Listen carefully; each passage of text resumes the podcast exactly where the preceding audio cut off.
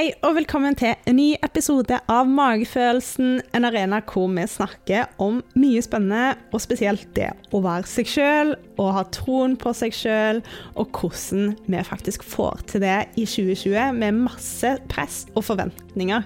Og jeg intervjuer andre som jeg mener er supre rollemodeller og er kjempekule. I dag snakker jeg med Katrine Aspås, som er en av de som har inspirert meg mye. Hun tok med seg forskningen til Brené Brown hjem til Norge.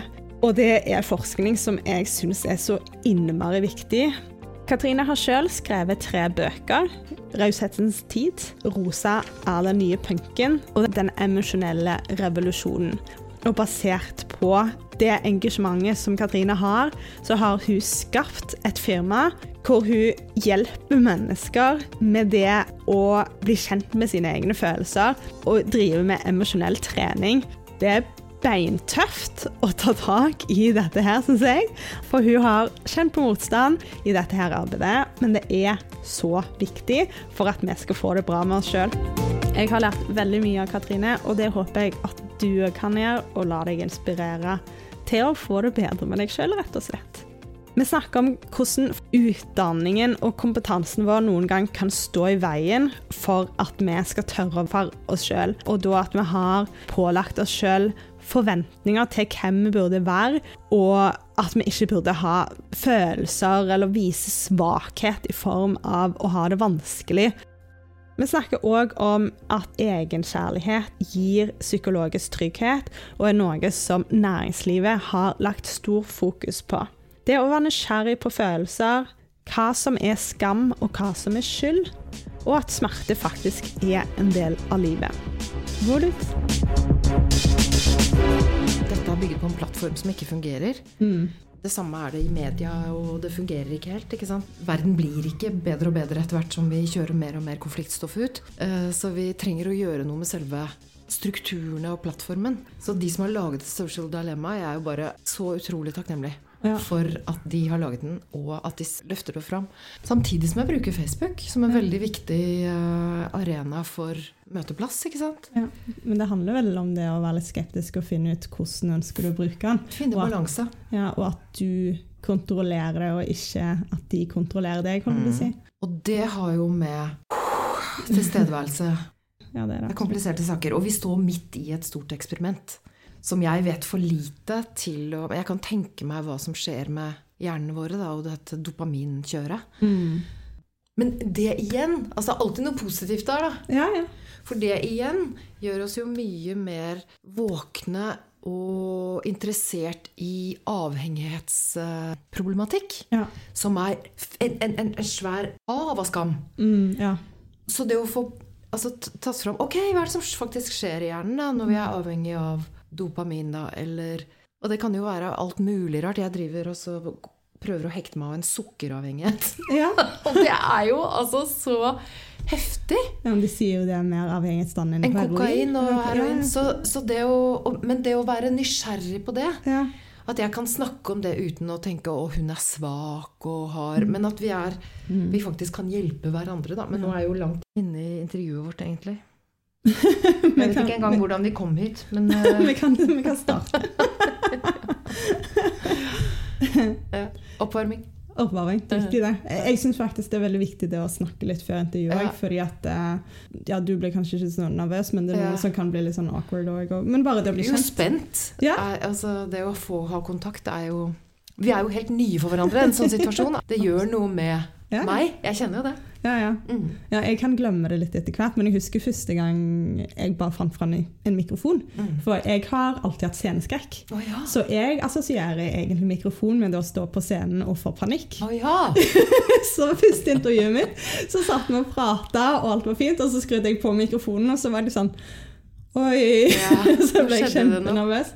Men det har på en måte gått litt over, jeg har begynt å bli vant til det. da. Mm. Og så tenker jeg litt at de fleste jeg snakker med, er jo personer som står mye på en scene. Men ja. spørsmålene jeg stiller, er jo ganske personlige. Og, ja, ja, ja. Jeg ser det. Ja. bare slappe av og mm. ja, med mennesker, liksom. ja. Mm. Fint. Mm. Jeg tok kalddusj i dag morges. Det er jeg alltid når jeg skal noe litt spennende. Jeg bada i sjøen Oi! sammen med moren min I dag? i Åsgårdstrand. Ja. Oi! Åh, Har så gjort det hele deilig. sommer. Ja, og fram til nå, da. Men nå er det ti grader. Så Ja. nå er det Vi går liksom i ba ned med bikkja mi. Og så mora mi er 81. Hun har bada siden april. Det er tøft. Men jeg, jeg er jeg føler Vet hvem Wim Hoff er?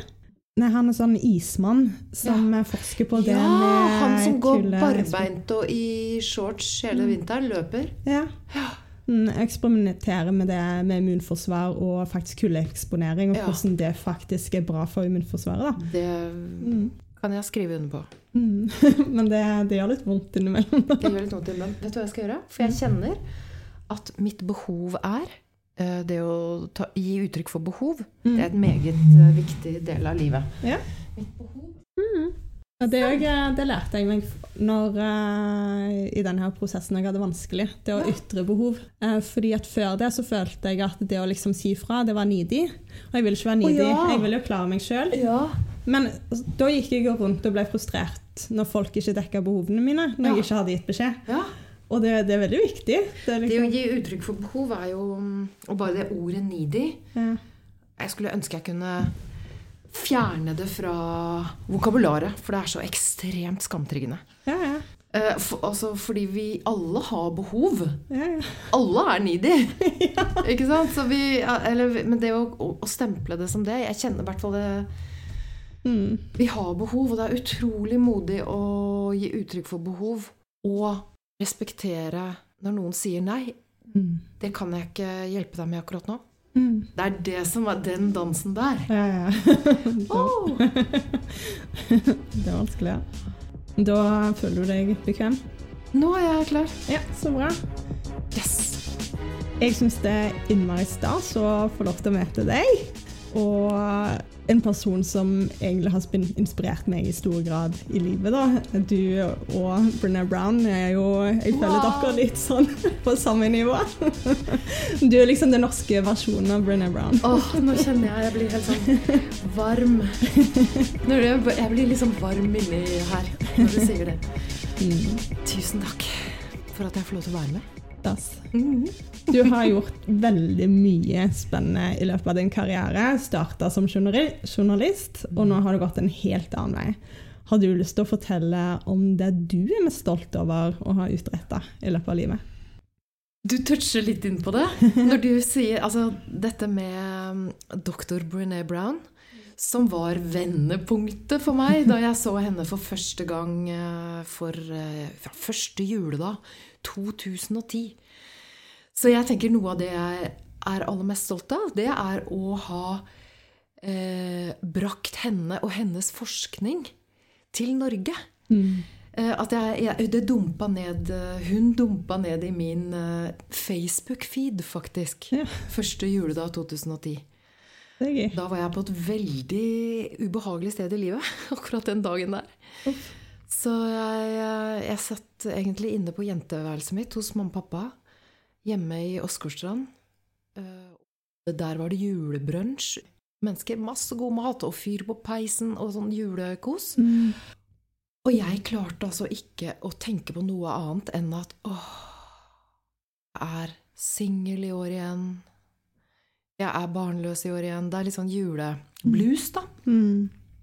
Det er rart med jula. altså Den kan Den er som en sånn forstørrelsesglass på livet, på en måte. Eh, Så jeg satt der og, og skamma meg, Mm. egentlig. Med, med en sånn veldig følelse av å ikke få til livet. Og ja, en ordentlig, ordentlig vond Og skamma meg også på toppen av det hele over å, å liksom ikke klare å være der inne og ha det godt sammen med de menneskene som jeg er så glad i. Å sitte på Jeg var, eh, jeg var 43 år, og jeg var kommentator i Aftenposten. Jeg var finansjournalist. Så gikk jeg inn og sjekka Facebook, da. Og tenkte er det noen andre der ute som eh, sitter første juledag og, holder på? Dette var Facebook var helt ny. Mm. Og da kom altså denne dama i stygg eh, brun skjorte. Hun hadde altså så stygg brun skjorte. Eh, men det, altså, overskriften var eh, Dette var TED-talken hennes, da, som Ja. nå er sett av 50 millioner mennesker. Men overskriften var 'The power of vulnerability'. Sårbarhetens kraft. Og det slo meg som en sånn Jeg får gåsehud her jeg sitter Ja, nå. jeg fikk det. Jeg. Faktisk, akkurat nå. Fordi at uh, det, det traff så innmari sterkt. Og jeg skjønte jo at ok, sårbarhet, det vet jeg hva er. Det er sånn som jeg har det nå. Kraft, de to ordene sammen. Det, det fikk jeg ikke helt til å stemme. Sånn at jeg så hennes foredrag, 20 minutter. Wow! Altså det, hva er det Sigrid sier? Det var wrecking ball, altså. Rett inn i min sårbarhet. Hvor um, hun snakket om skam, hun har forsket på perfeksjonisme. Og guri meg, tror du jeg kjente det inni min rustning av eh, mastergrader og suverenitet som kommentator og finansjournalist. Og inni der Jeg trodde jo sårbarhet var svakhet, da. Mm. Så viser jo forskningen til Brunet at sårbarhet er egentlig det stikk motsatte. Mm. Det er egentlig vårt mest presise mål på mot. Mm. Personlig sårbar. Altså det å faktisk våge å ta den skallet, da, eller Ja, ja. rustningen. Og siden det så har jeg lagd mye rart og fint. Skrevet uh, tre bøker og Kan jeg få si én ting til jeg er stolt av? Selvfølgelig. Fordi at jeg, jeg har jo lurt veldig mye på Jeg kommer fra finansøkonomi. Handelshøyskolen i Bergen. Master i internasjonal politikk fra New York. Og jeg har alltid Altså, jeg har mer og mer lurt på hvorfor lærer vi så lite om følelser? Ja. Altså, Jeg satt jo der med skammen langt utover, mm. uh, som herja noe voldsomt. Hvorfor lærer vi så lite om følelser når det betyr så mye for det vi for, for måten vi har det, hvordan vi behandler oss selv og andre? Mm. Sånn at for to år siden så lagde jeg noe som heter Det emosjonelle treningsstudio. Mm. Og der er det nå 14 000 som er innom. Og mange som har gått på et åtte ukers kurs i emosjonell styrketrening. Altså gjennom gjøre følelsene til vår styrke. For det er så mye forskning. Det er jeg stolt av. ja, men det er jo utrolig bra. det. Det er jeg kjempestolt av. Det er så viktig, og jeg tror kanskje det er en av grunnene til at vi ikke lærer det på skolen. Fordi at det ikke har vært noen som kanskje har hatt et tilbud Ja. på den måten. ja. At det kanskje har funnes veldig kompleks forskning på psykologi, Mhm. men det er jo bare de siste fem til ti årene at dette har blitt litt mer sånn Jeg husker ikke hva sjangeren heter, men litt sånn skjønnlitterært. At det er Ja. lett leselig og for mannen i gata. Ja, at det er gjort eh, som en verktøykasse som forskningsbasert fungerer. Ja, ja. At nå, men det er jo bare egentlig fem til ti år siden akademia begynte å interessere seg for følelser. ja. Det er Og fortsatt så har jo følelser et ubegripelig dårlig rykte. mm. Et veritabelt eh, omdømmeproblem.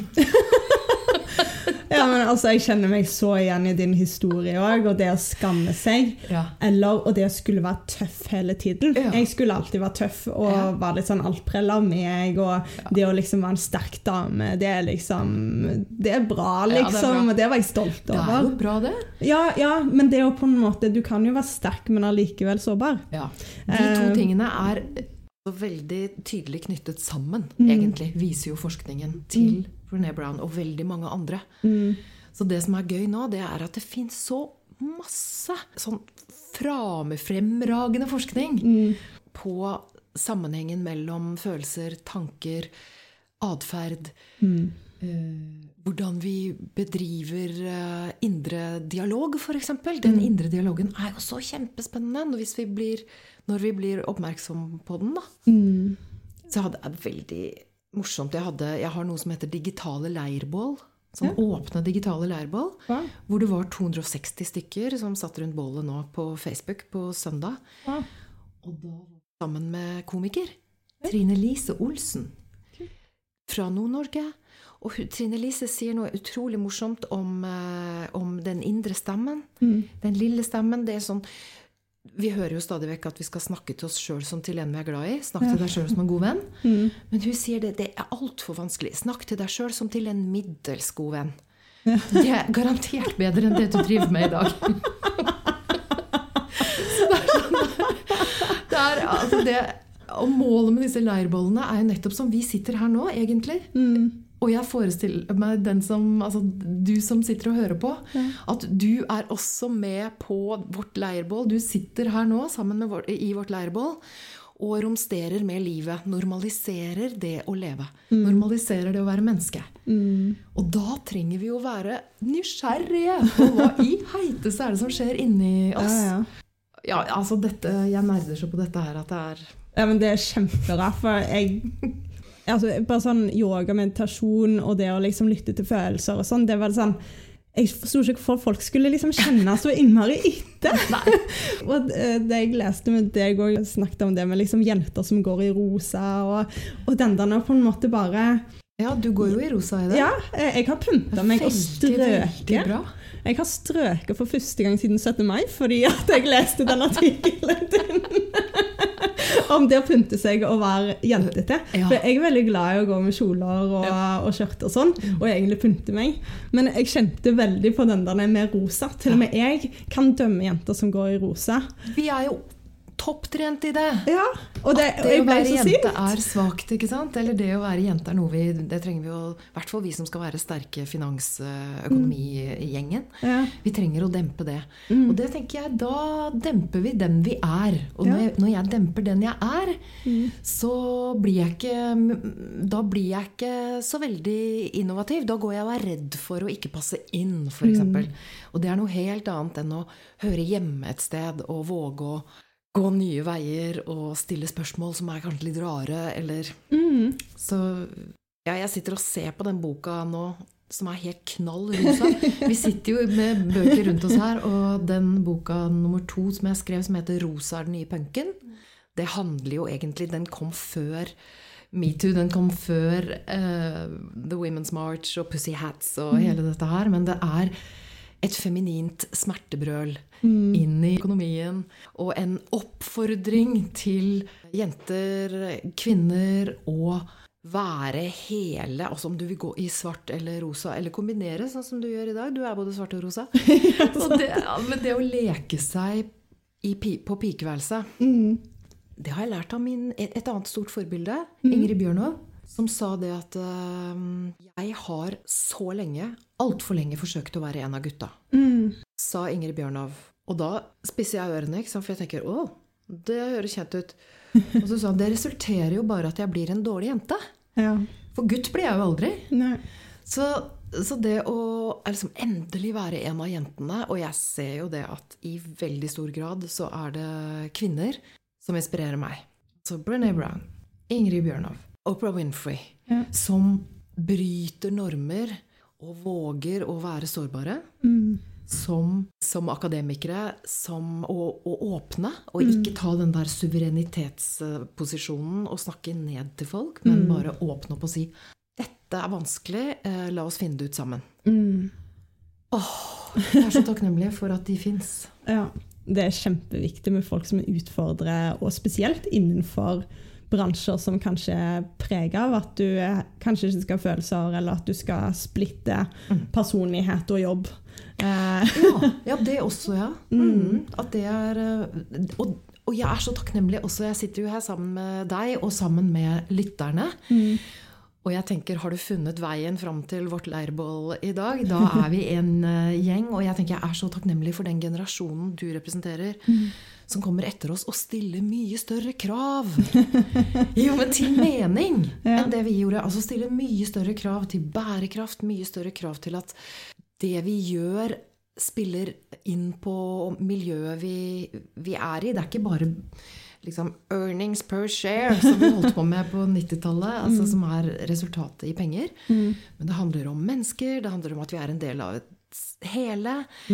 Altså, jeg tror om ti år det finnes ikke en seriøs bedrift eller organisasjon som ikke er knyttet direkte opp mot to eller tre bærekraftsmål. FNs bærekraftsmål. Altså det, dette begynner 2020 har vært et kjempevendepunkt for det. ja, det har skjedd så mye. Det skjer så mye. Eh, Ja, 2019 også med Greta Thunberg. Ja, ja. Og da er vi jo inne på generasjonen etter der igjen. Ja. Og da er det grunn til Da får jeg gåsehud igjen, fordi eh, det kommer så mye flinke, krevende folk. Fortsett å være, eh, fortsett å være krevende, altså. ja, ja. Og utfordre og være litt sånn vanskelig. Vær vanskelig.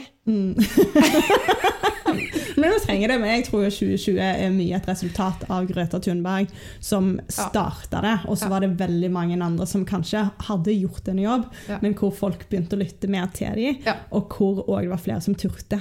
Fordi at det et Greta som er som tøff, plutselig ble en rollemodell.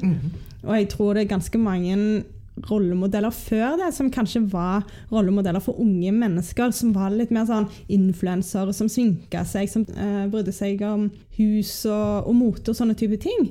Men de er ikke nødvendigvis de som utfordrer så mye, og da får få faktisk en så tilstedeværende rollemodell som ja, bare gjør totalt det motsatte av kanskje alle andre, Ja. det Og hun, hun er jo en rollemodell også på den måten at hun viser oss hvor sterke vi er som enkeltpersoner. Og at endring begynner med oss, om det er små ting eller store ting. Om det er en sånn radikal ting eh, som å gråte. Ja. Eh, jeg, jeg, altså gråte offentlig. Mm. Jeg anser det som, en, eh, som et samfunnsoppdrag Mm. som jeg har tatt på meg. Ja, så hva? Ja, fordi at jeg kjenner forskningen bak gråt. Ja. Og jeg vet hvor utrolig viktig det er, og hvor sunt det er. Og hvor eh, Altså, jeg kan jo snakke om gråt i en hel podkast, egentlig. fordi, at, fordi at glede og sorg er knyttet sammen. Eh, og den følelsen som er i midten Nå kan jeg få lov til å nerde litt på følelser. Ja, det er kjempespennende. Fordi uh, dette er forskning fra Blindern. Eh, Ole André Sår... eh, Ole André Sårbakken. Ole André Solbakken Solbakken og Jon Monsen på mm, Psykologisk institutt der forsker på følelser. De er pionerer innen følelsesforskning i Norge. Og de Vet du hvilken følelse altså nå, vi, er, fortsatt på tårer, og den er knyttet opp til, til tårer. Hvilken følelse vi mennesker har som er sterkest korrelert med god mental helse? Altså en god, en god tilstedeværelse i eget liv og Oi, nei. Vet hvilken følelse det er? Det kan jo du som sitter og hører på Sorg? Jeg vet ikke. Ja, altså det er ikke opplagt, ikke sant? Det er ikke sorg, det er ikke glede, men det er den følelsen som forbinder de to. Oi. Som, altså når vi har en bro Ja, mellom sorg og glede, ok. da du kan se, på, se det som en sånn regnbue, da. Mm. Ikke sant? For det regner og det er sol. Sorg og glede, eh, og da får vi regnbuen. Ja. Og den følelsen er ømhet. Evnen til å romme ømhet. ja. Og ømhet er jo en sånn åh. Altså Det er jo sånn som vi får når vi ser hundevalper. Jeg har to hundevalper hjemme Ja. nå. Den der åh. Men også det å klare å ha ømhet overfor sin egen sorg. Ja. Altså rett og slett, Det finnes jo mange som har tåreskam. ja. Det ordet lærte jeg av en, eh, en eh, studievenninne av meg. Vi gikk og studerte psykologi nå. Det å ha tåreskam. Så, så det å gå skamløst ut og dele tårer og egentlig følelsesuttrykk, det anser jeg som et samfunnsoppdrag. ja, ja. Altså, når eh, jeg hadde det på det kjipeste for noen år siden, så tok jeg det oppdraget veldig seriøst. da, da hadde jeg en periode på to måneder hvor jeg gikk på gata og begynte å hulkegråte. Ja. Så Opplevde du å bli tatt vare på av noen? Altså Opplevde du at noen våget? Eh, jeg, altså, jeg skam, eh, I starten så skamma jeg meg veldig. Ja, det Eh, så, og det tror jeg var veldig tydelig. Jeg tror hele kroppen min viste at dette her var ikke greit, men jeg hadde ikke kontroll. Jeg ser det for meg ja. og etter hvert så ble jeg så vant til det. Eh, at eh, det var, det komme, ja. at det var bare litt sånn OK, nå går jeg og gråter på gata igjen. Okay, ja. Du slapp ut litt eh, du, Altså, de, de tårene, vet du. Jeg kjenner på lettelse når du forteller historien din. Ja. Fordi da, da slipper du ut stim. Altså, du, vi slipper ut den sorgen som vil energisk ut av kroppen vår. Mm. Og sorg er en Det er en uunngåelig del av livet, ikke sant? Men da hadde jeg gått og holdt på dette her så lenge.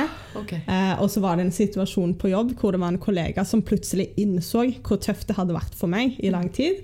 Så Og så fikk den personen meg til å begynne å gråte, Ja. som jeg hadde veldig behov for. Men da hadde jeg åpna krana, og da klarte jeg ikke å slutte. For da var det så mye som var holdt inne liksom over et år. Hva var det som skjedde da etter hvert som du åpna den krana? Nå er jeg bare nysgjerrig som litt sånn Altså, det, det føltes jo Det var nok litt av den ømheten som du snakker om. At du på en måte var litt sånn I starten var det veldig ubehagelig for at jeg begynte å gråte på jobb. Ja. Og så klarte jeg ikke å slutte. Ja. Og så gikk vi på et møterom, men da sant, så blir det jo helt rødsprengt, og det er jo veldig tydelig når du har grått. Så jeg husker Da skamma jeg meg veldig, men òg den følelsen etterpå er jo veldig litt sånn lettelse. Mm. Fordi at den personen plutselig kunne jo da trøste meg, ja. og så plutselig så kanskje innrømte jeg meg for meg sjøl at dette her har vært veldig tøft. Mm. At jeg trenger ikke å være så sterk, mm. hvis du skjønner. Mm. For det var jo det. Jeg holdt det jo for meg sjøl mye, for jeg tenker jeg er sterk og jeg, jeg klarer å fikse dette sjøl. Og det er jo veldig, det er så deilig å kunne innta rollen som emosjonell styrketrener. Ja. For det er jo det som er jobben min. Mm. Og når du snakker nå, så får jeg, jeg Jeg har lyst til å klappe i hendene, og nå gjør jeg det også. fordi altså for, Hvis vi skal ta forskningen til Brené Brown igjen, da. Mm. Så det du gjør da, altså det vi gjør når vi lar de tårene komme, mm. det er at vi tar eierskap til følelsene. Ja. Og den energiske altså, Det er jo energi i dette her. Mm, ja. Så uh, energien i følelsen Når du flykter fra følelsene dine, eller når jeg flykter fra ømheten for eksempel, eller mm. sorgen, mm. så eier den meg. Altså, da kan den sorgen jage oss gjennom livet i år etter år etter år. Og jeg har gjort det også. Jeg har mm. prøvd det òg. Før første juledag 2010.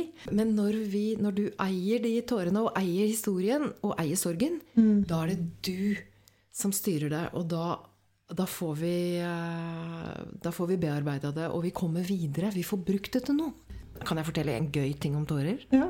Det er en sånn fun fact. For det er så mye salter i de tårene at det er veldig bra for huden. Så du burde egentlig ikke vaske dem bort du bare smøre det i ansiktet. Bare glem sånn uh, Hva er det det heter for Kleenex og sånn? Bare glem det, og så få det smurt i panna. Veldig viktig å få de følelsene i panna, holdt jeg på å si. Tårene i panna. Ja.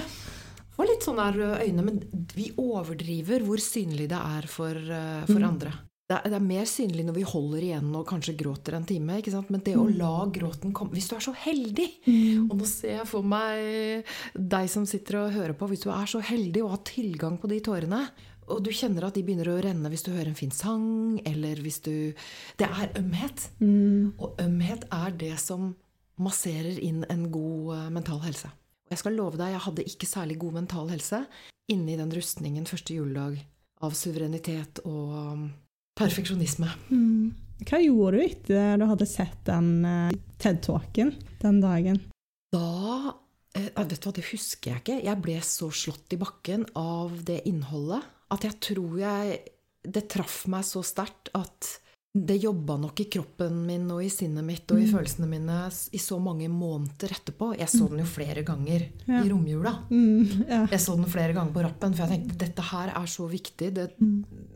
Du trengte å høre det? Jeg trengte å høre det flere ganger og få med meg sånn bruddstykker ja. Eh, av hvordan skam fungerer. da. Og nå snakker vi om mørke ting, men det er viktig at vi snakker om de mørke tingene. Fordi de baner vei for det lyse. Altså ja, ja. Lys og mørke, det henger sammen. Ja. Så når vi lærer å ta ansvar for våre egne liksom, feiltastiskhet, våre mm. egne oppturer og nedturer, så får vi det så utrolig godt i morgen kveld, som det står i Alf Prøysen. Skal få en dag i morgen. ja, sånn. Jeg merker jo det etter jeg har akseptert følelsen min, og at det går litt opp og ned. Så har jeg blitt mye flinkere til å lytte. Som gjør at sånn, Siste uke så ble jeg veldig sliten.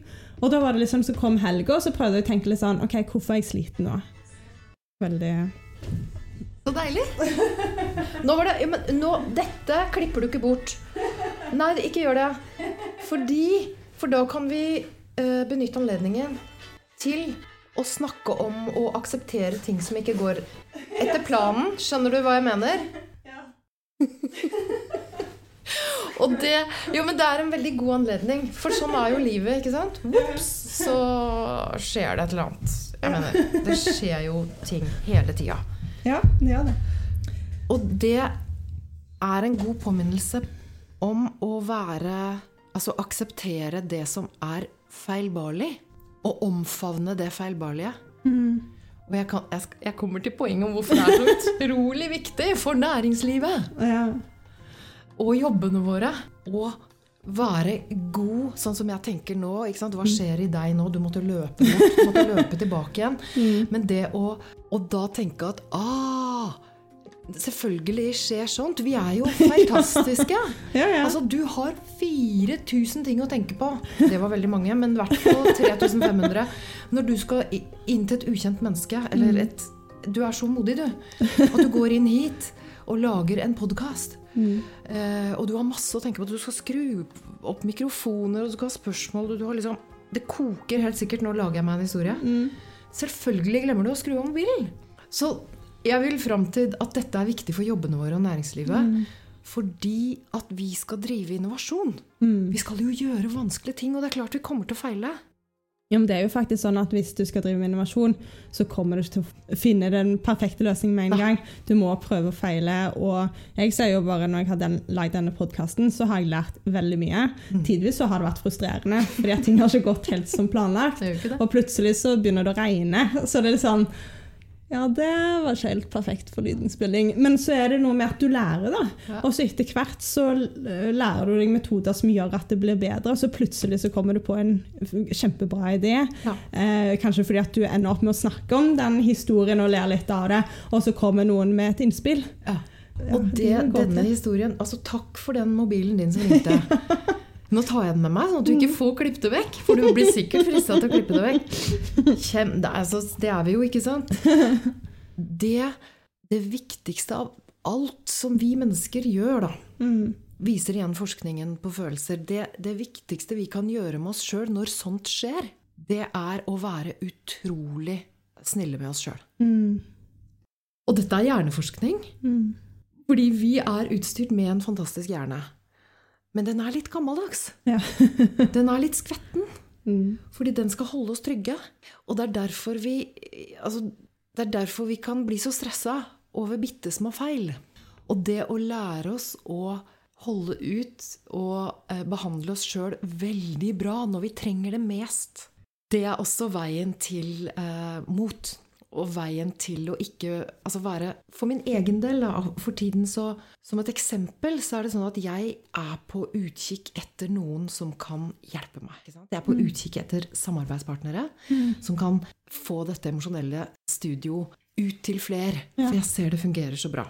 Og så kan jeg ha gjort masse dumt. Jeg holder meg sjøl igjen. Jeg tør ikke å ringe den, og jeg tør ikke å ringe den. Selv som emosjonell trener så kan jeg holde meg sjøl tilbake. Men det å da ikke fortelle meg sjøl hvor dum jeg er, men hele tiden altså, Nå kommer jeg med den setningen som, som jeg håper jeg kan installere i alle som sitter og hører på. Som de kan si til seg sjøl når du gjør vanskelige ting og skumle ting, og telefonen ringer på feil punkt. Det er ikke noe rart. Det er ikke noe rart at jeg kan finne på å holde meg igjen og ta den telefonen eller den telefonen eller den telefonen. Fordi jeg sitter og er redd for at eh, jeg skal få avslaget, ikke sant? Og det er jeg ikke aleine om. Det er vi mange som har, men det blir mye lettere når vi kan menneskeliggjøre det, normalisere det, og lære oss å si ah, det er ikke noe rart. Og så prøver jeg igjen. Så det at vi normaliserer den prosessen det er å være modig For det er det å ta en telefon til noen som Sånn som du, da. Modig å ta kontakt med oss som Jeg er jo full av beundring. Ja. Ikke sant? At du gjør det. Og du som sitter og hører på også, du har sikkert vanskelige samtaler, og du, har, du, du, du skal være modig. Husk da den setningen. Det er ikke noe rart det, at hjertet kanskje banker uh, nå, ikke sant? Hvis du sitter i et møte på jobben og skal ta ordet. Så kjenn etter den der bankingen, så kjenner du ah, det er ikke fordi jeg er pinglete. Det er fordi jeg kan være modig. Mm. Det er ikke noe rart at Det hjertet er ikke noe rart. Nei. Nei, det er en veldig fin setning. Den setning. setningen der Mm. Prøv å si det til andre òg, som kommer og er stressa. Hvis det, hvis det er noen som er litt sånn stressa. Ja, det er ikke noe rart du er stressa nå. Å, takk! For at, du, at du skjønner det. Det, ja, det er anvendbart i veldig mange situasjoner. Jeg kan få det f.eks. Eh, sånn som i dag. Eh, så var jeg redd for å komme for seint. Og da kan det bli litt sånn denne, Plutselig så finner jeg liksom ikke helt fram. Og, og så er det sånn Oi, jeg burde ikke komme for seint fordi at de setter av tid til meg. Men så er det noe med den, det stresset som du får, og det, kanskje at det er ikke så rart. Men òg hva er egentlig det verste som kan skje? Kommer liksom ett minutt for sent. Jeg er veldig fan av folk som ikke kommer for seint, men allikevel så noe med å på en måte ikke banke seg opp så innmari hvis du gjør det. da. Mm. Uh, og jeg tror det er kanskje spesielt folk som som regel ikke kommer for seint, som er ganske strenge med seg sjøl på akkurat det å bli litt stressa. Og kanskje strenge med andre. Ja. ja. Sånn at det henger litt sammen. Så Ja. det, å, altså det å utforske det der Å ja, jeg foretrekker folk som er, kommer akkurat tidspunkt, men, Ja. eh, tidsnok. Men så er det sånn Tror du jeg har kommet for seint noen gang? Ja. ja. Vi er mennesker, og livet skjer jo hele tiden. Mm. Så, men det, det er så radikalt nytt da, å skulle behandle oss sjøl bra. Og dette er jo forskningen på det som på veldig fint eh, heter self-compassion. Egen selvmedfølelse. Eller eh, egenkjærlighet. Som Jeg vet ikke hva som skjer med deg når du hører det ordet, eller hva som skjer med deg som hører på. Men egenkjærlighet kan trigge litt sånn skam hos meg. For dette høres ut som noe sånn nå, nå duller jeg meg inn i et eller annet. og så, eh, Det er egoisme. Og så viser jo forskningen at det er det beste vi kan gjøre for relasjonene våre. Det er det beste vi kan gjøre for andre. Det å behandle oss sjøl som en middels god venn er garantert bedre enn Men det å faktisk praktisere å være innmari god med oss sjøl Skal jeg meditere litt? Og på noe som heter Tetspace så kan du meditere på tema. Og da mediterte jeg på noe som heter compassion, som er medfølelse. Og da starta den første med det å ha kjærlighet for seg sjøl. For hvis du ikke klarer å ha kjærlighet for deg sjøl, så klarer du ikke å ha kjærlighet for andre heller. Det gir mening. Mm. Det er, eh, vi kan ikke gi bort noe vi ikke har. Du Ikke ikke liker deg sjøl. og, og da er jeg veldig rask som da emosjonell styrketrener så er jeg veldig rask med å si det er ikke noe rart at hvis du sitter og tenker nå åh, ja, men jeg er ikke snill med meg sjøl, så kan jeg bare si det er ikke noe rart, for vi har ikke lært det. Nei. Og denne forskningen er så ny Mm. på egenkjærlighet og self-compassion. Den er så ny at den, det å praktisere egenkjærlighet, det reduserer fysisk sykdom. Det, altså det reduserer stressnivået i kroppen så veldig. I næringslivet så kaller de det nå for psykologisk trygghet. Det er det mest lønnsomme vi kan ha i våre team. Så jeg jobber jo mye med næringslivet og med å ha kultur for det som heter psykologisk trygghet. Og på skolene, i klasserom det, altså Vi lærer så mye mer når vi opplever at her er det lov til å feile. Her kan jeg ta risiko uten å bli ledd av. Her er det lov til å feile. Her kan jeg være meg sjøl. Her hjelper vi hverandre opp. Her tør vi å si ifra. Ja. Det er en kultur for psykologisk trygghet, og det viser at det er så lønnsomt. Og vi lærer så mye. Ja. Men det er ikke noe rart at vi fortsatt straffer oss selv. For vi er jo opplært med røde streker. Vi er opplært i en skole som finner feil. Mm. Og det er et system som vi gradvis kan endre på. Altså. Fordi hvis forskningen viser at vi blir redde av det, og eh, hvis vi skal snakke om prestasjon, da, som jo også er gøy vi skal jo, Det er jo kjempegøy å mestre og prestere. Og den, at vi har en heiekultur heller enn at alt er konkurranse og kanskje samarbeid. fordi at vi gjør jo hverandre gode. Men hvis vi skal gjøre alt alene, så blir vi egentlig litt stuck. Ja, det gjør vi. Har du hatt noe bidratt med det at eh, dette har kommet inn i skolen nå? Altså, du tenker på livsmestring og folkehelse. Jeg har skrevet et mm. kapittel Mm. eh, til en uh, samfunnsfagsbok Ja. for åttende klasse. Det er, jeg, det er jeg også stolt av. altså. Ja, det er veldig Eh, spennende. Cappelen Dam som har gitt ut en bok, en fantastisk flott bok med helsesiste, med mange flotte bidragsytere. Og det handler om, det jeg har skrevet, handler om akkurat det vi snakker om nå. Vær snill med deg, Mm. er overskriften. Når du har lyst til å jule opp deg sjøl hvis du gjør noe dumt, eller sier noe dumt, eller hvis andre juler deg opp, da, så se om du kan liksom snakke til deg sjøl. Det er ikke noe rart at det gjør vondt. Det er ikke noe rart å heller gå ut og grine offentlig. Men så er det dette her at vi er opplært til at sårbarhet er svakhet. Foreløpig. Og det er derfor du er pioner. Du som sitter og hører på, er pioner. Fordi du putter nesa di inn i noe helt, helt nytt, som er emosjonell styrke. Emosjonell interesse. Du skal bare vite hva som skjer. Vet du hva? Når jeg forteller folk at jeg er emosjonell styrketrener, så er det så gøy, for da sier folk veldig ofte én av tre kategorier. Den ene sier 'hæ?' Emosjonell 'what?' Og den andre den er mer sånn som jeg tenker meg deg og du som hører på. 'Å, det høres spennende ut'. Det tror jeg at jeg trenger. Og så er det den tredje gruppen som egentlig er størst og egentlig søtest, som sier 'Å, det kjenner jeg mange som trenger'. Særlig sjefen. Eller naboen. Ja. Eller svigerfar. Ja. Altså, vi Følelser har et så dårlig rykte, og vi vil veldig gjerne sette det ut på andre.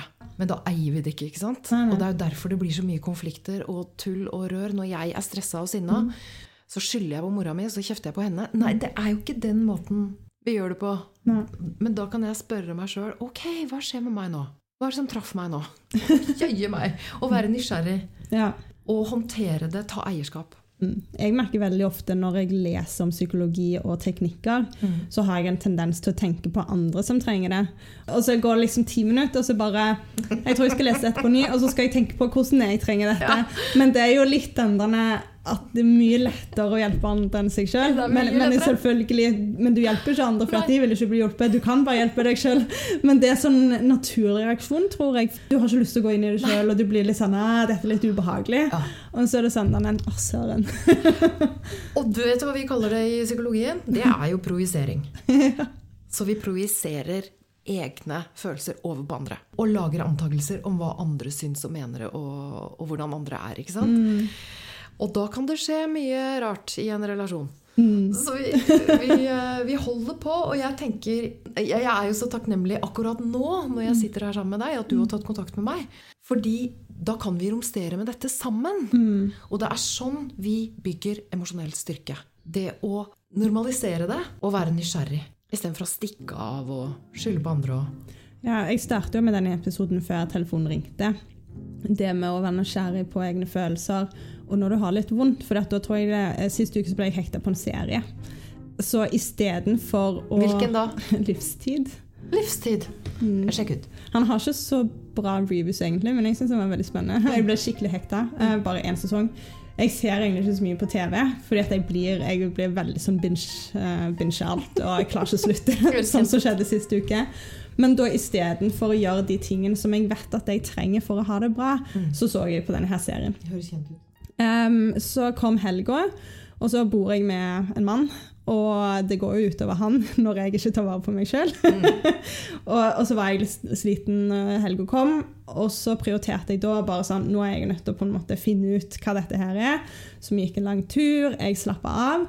Og så plutselig da så var det sånn OK, men jeg er sliten. Nå har det vært litt mye. Det er masse følelser relatert til det å lage podkast. Jeg har vært veldig ærlig og egentlig offentliggjort hele min livshistorie til folk. Så selvfølgelig så er dette en litt sånn berg-og-dal-bane, samtidig som jeg hadde mensen, og det òg er hormonell greie. Så det å bare liksom sitte ned og akseptere de følelsene og kjenne litt på de, så plutselig så var alt greit igjen. Men jeg er nødt til å gjøre det kanskje en gang i uka. Fordi at livet går litt opp og ned, og folk vil jo være ulike og ha ulike behov. Men jeg trenger å ha en litt sånn check-in en gang i uka for meg hva som har skjedd, og gi meg sjøl litt tid til å bearbeide ting. Og det, det, det hadde jeg aldri gjort for fem til ti år siden. Nei. Da hadde det vært sånn dette er veldig ubehagelig. Go, go, go. Eh, Nå skal jeg finne på masse gøy. Ja. Du faktisk blir et mye bedre menneske og får det mye mer behagelig med deg Et roligere og Ja, det er det. Og jeg sitter nå og tenker på Jeg ser fortsatt deg for meg der du sitter med mensen og binge. Og hadde det vært meg, så ville jeg hatt en stor pose ostepop. For det trodde jeg lenge var det kjærligste jeg kunne gjøre for meg selv. Og, og det er ikke noe rart. Nei? Og så ser jeg deg for meg, og så tenker jeg da praktiserer du emosjonell styrketrening. Der og da. Mm. For det handler ikke om å bli den beste versjonen av deg selv, men det handler om å bli glad i den verste. Mm. For når du er glad i den verste versjonen av deg sjøl, så blir du den beste. Ikke sant? Hvis jeg skal leve med en sånn 'Å, nå må jeg være den beste versjonen av meg sjøl', og 'nå må jeg jammen meg være den beste versjonen av meg sjøl', altså, da blir jeg jo stressa igjen, ikke sant? Ja. Det er jo perfeksjonismen og egentlig da er det veldig lett å, å begynne å skamme seg, for at jeg er jo ikke alltid den beste versjonen av meg sjøl. Jeg er jo et menneske. Ja. Men heller lære seg kanskje når du oppfører deg dårlig. Jeg, jeg har blitt flink til å beklage til kjæresten min Ja. og si liksom 'Sorry, nå har jeg vært sliten'. Ja. Eh, Det, var, det var unødvendig å si det på den måten, liksom. Og nå Ja. men, det, også, men så prøver jeg Å, forklare så- hvorfor. Det er så surt! Ja, men han, eh, han syns jeg har blitt flink til det, da. Så han bare For at jeg er litt sånn, ah, det blir litt mye sånn tanker og følelser og historie, men han bare Men du er blitt ganske flink til det. Så Ja, hva gjorde det med deg å høre det? ja, det er hyggelig. Og det, jeg tenker det gjør jo kanskje noe med relasjonen dere to Ja, ja. imellom også. Absolutt. At jeg blir veldig stolt på deres vegne, da. Eller at dere, at dere håndterer det på den måten der. Mm. Men det å faktisk at du sitter der og er god og tålmodig Mm. med den delen som av og til er sliten, eller det å vite Ok, hva skal jeg tillate meg nå? Kan jeg tillate meg nå? Så er, du toucher jo innpå forskjellen mellom skyld og skam. Ja. Altså skyldfølelsen, det er det du snakker, no, snakker om nå. Det er 'jeg har gjort noe galt'. Mm. Unnskyld, kjæresten min. Jeg kunne sagt det. Altså det. Da kan vi si unnskyld, og så kan vi forsøke å gjøre det bedre neste gang. ikke sant? Eller noe annet neste gang. Mens skamfølelsen, den, er, den sier 'jeg er noe galt'. Det er noe gærent med meg. Mm. Sånn som jeg satt og fortalte meg sjøl første juledag. At det er noe gærent med meg som lever her alene. Og de historiene vi lager rundt sånne ting, Mm. det er jo Det er skam. Skam kan ikke overleve empati Fra deg sjøl og andre. fra oss sjøl og andre. Så det å si at det er ikke noe rart at dette gjør vondt, det Mm. er ikke noe rart. Og jeg er her og passer på deg. Går det an å si? For ting sier vi uansett. Mm. Så det å oppdra hjernen min og hjernen din, som hører på, til å si når du kommer til et sånt punkt hvor det er vanskelig, så er det sånn Det er, ikke noe rart dette er vanskelig. Og nå sitter vi her, kanskje gråter du en skvett, kanskje vasker du kjøkkengulvet mens du gråter. Det har jeg funnet ut er veldig lurt å gjøre. Eh, Men så en, et viktig neste skritt der, da, Mm. eh, i den uh, egenkjærligheten, det er å koble seg på fellesskapet. Si også til deg sjøl det å oppleve nedturer eller det å ha det vondt, det er en, smerte er en del av livet. Mm. Over hele verden akkurat nå. Massevis. Vi er i et stort uh, fellesskap. Og så kommer da det siste Hva er det kjærligste jeg kan gjøre med meg selv? Hva er det lille neste skrittet? Er det sånn som jeg trodde? Binging med ostepop? Mm. Eller kan jeg Og det er jo av og til det kjærligste. Ikke bærekraftig bare det. Så jeg har begynt å da vaske gulvet Ja. mens jeg vet, og tenker nå får jeg jammen fin hud. Ja. Altså, dette er veien til ømhet. Dette er veien til mot. Ja. Dette er veien til glede. Mm. Det er veien til fellesskap. Det er veien til kontakt. Det er veien til innovasjon ja det det. og gründerskap. Veien til mye, rett og slett.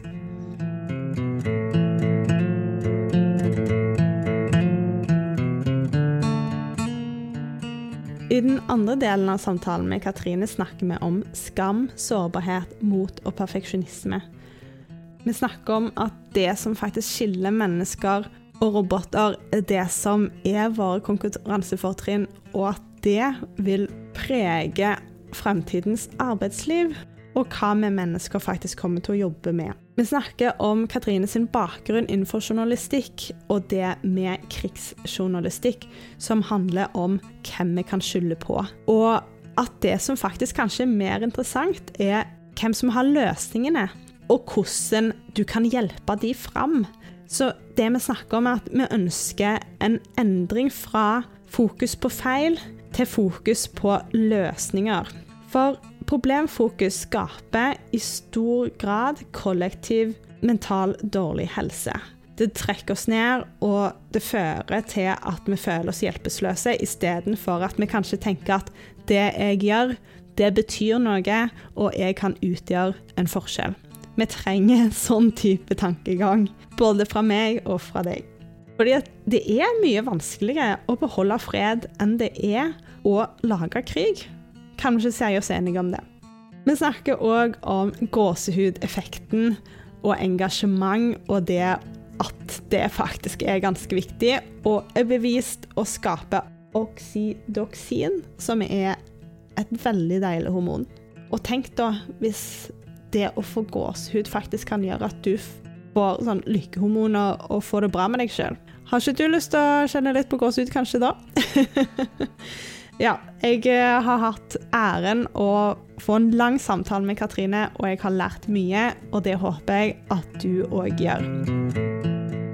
Hvis du liker podkasten min, så setter jeg kjempepris på stjerner på Apple Podcast, og at du følger podkasten, og at du selvfølgelig deler med andre som du tenker kunne trengt inspirasjon fra alle disse fantastiske damene, og kanskje etter hvert mennene som jeg intervjuer på podkasten. Ha en fin dag. Ta vare på deg sjøl. Ingen andre vil gjøre det for deg. Og nøl ikke med å ta kontakt på Mageholsen at gmail.com hvis du har noen tilbakemeldinger eller spørsmål. Ha det!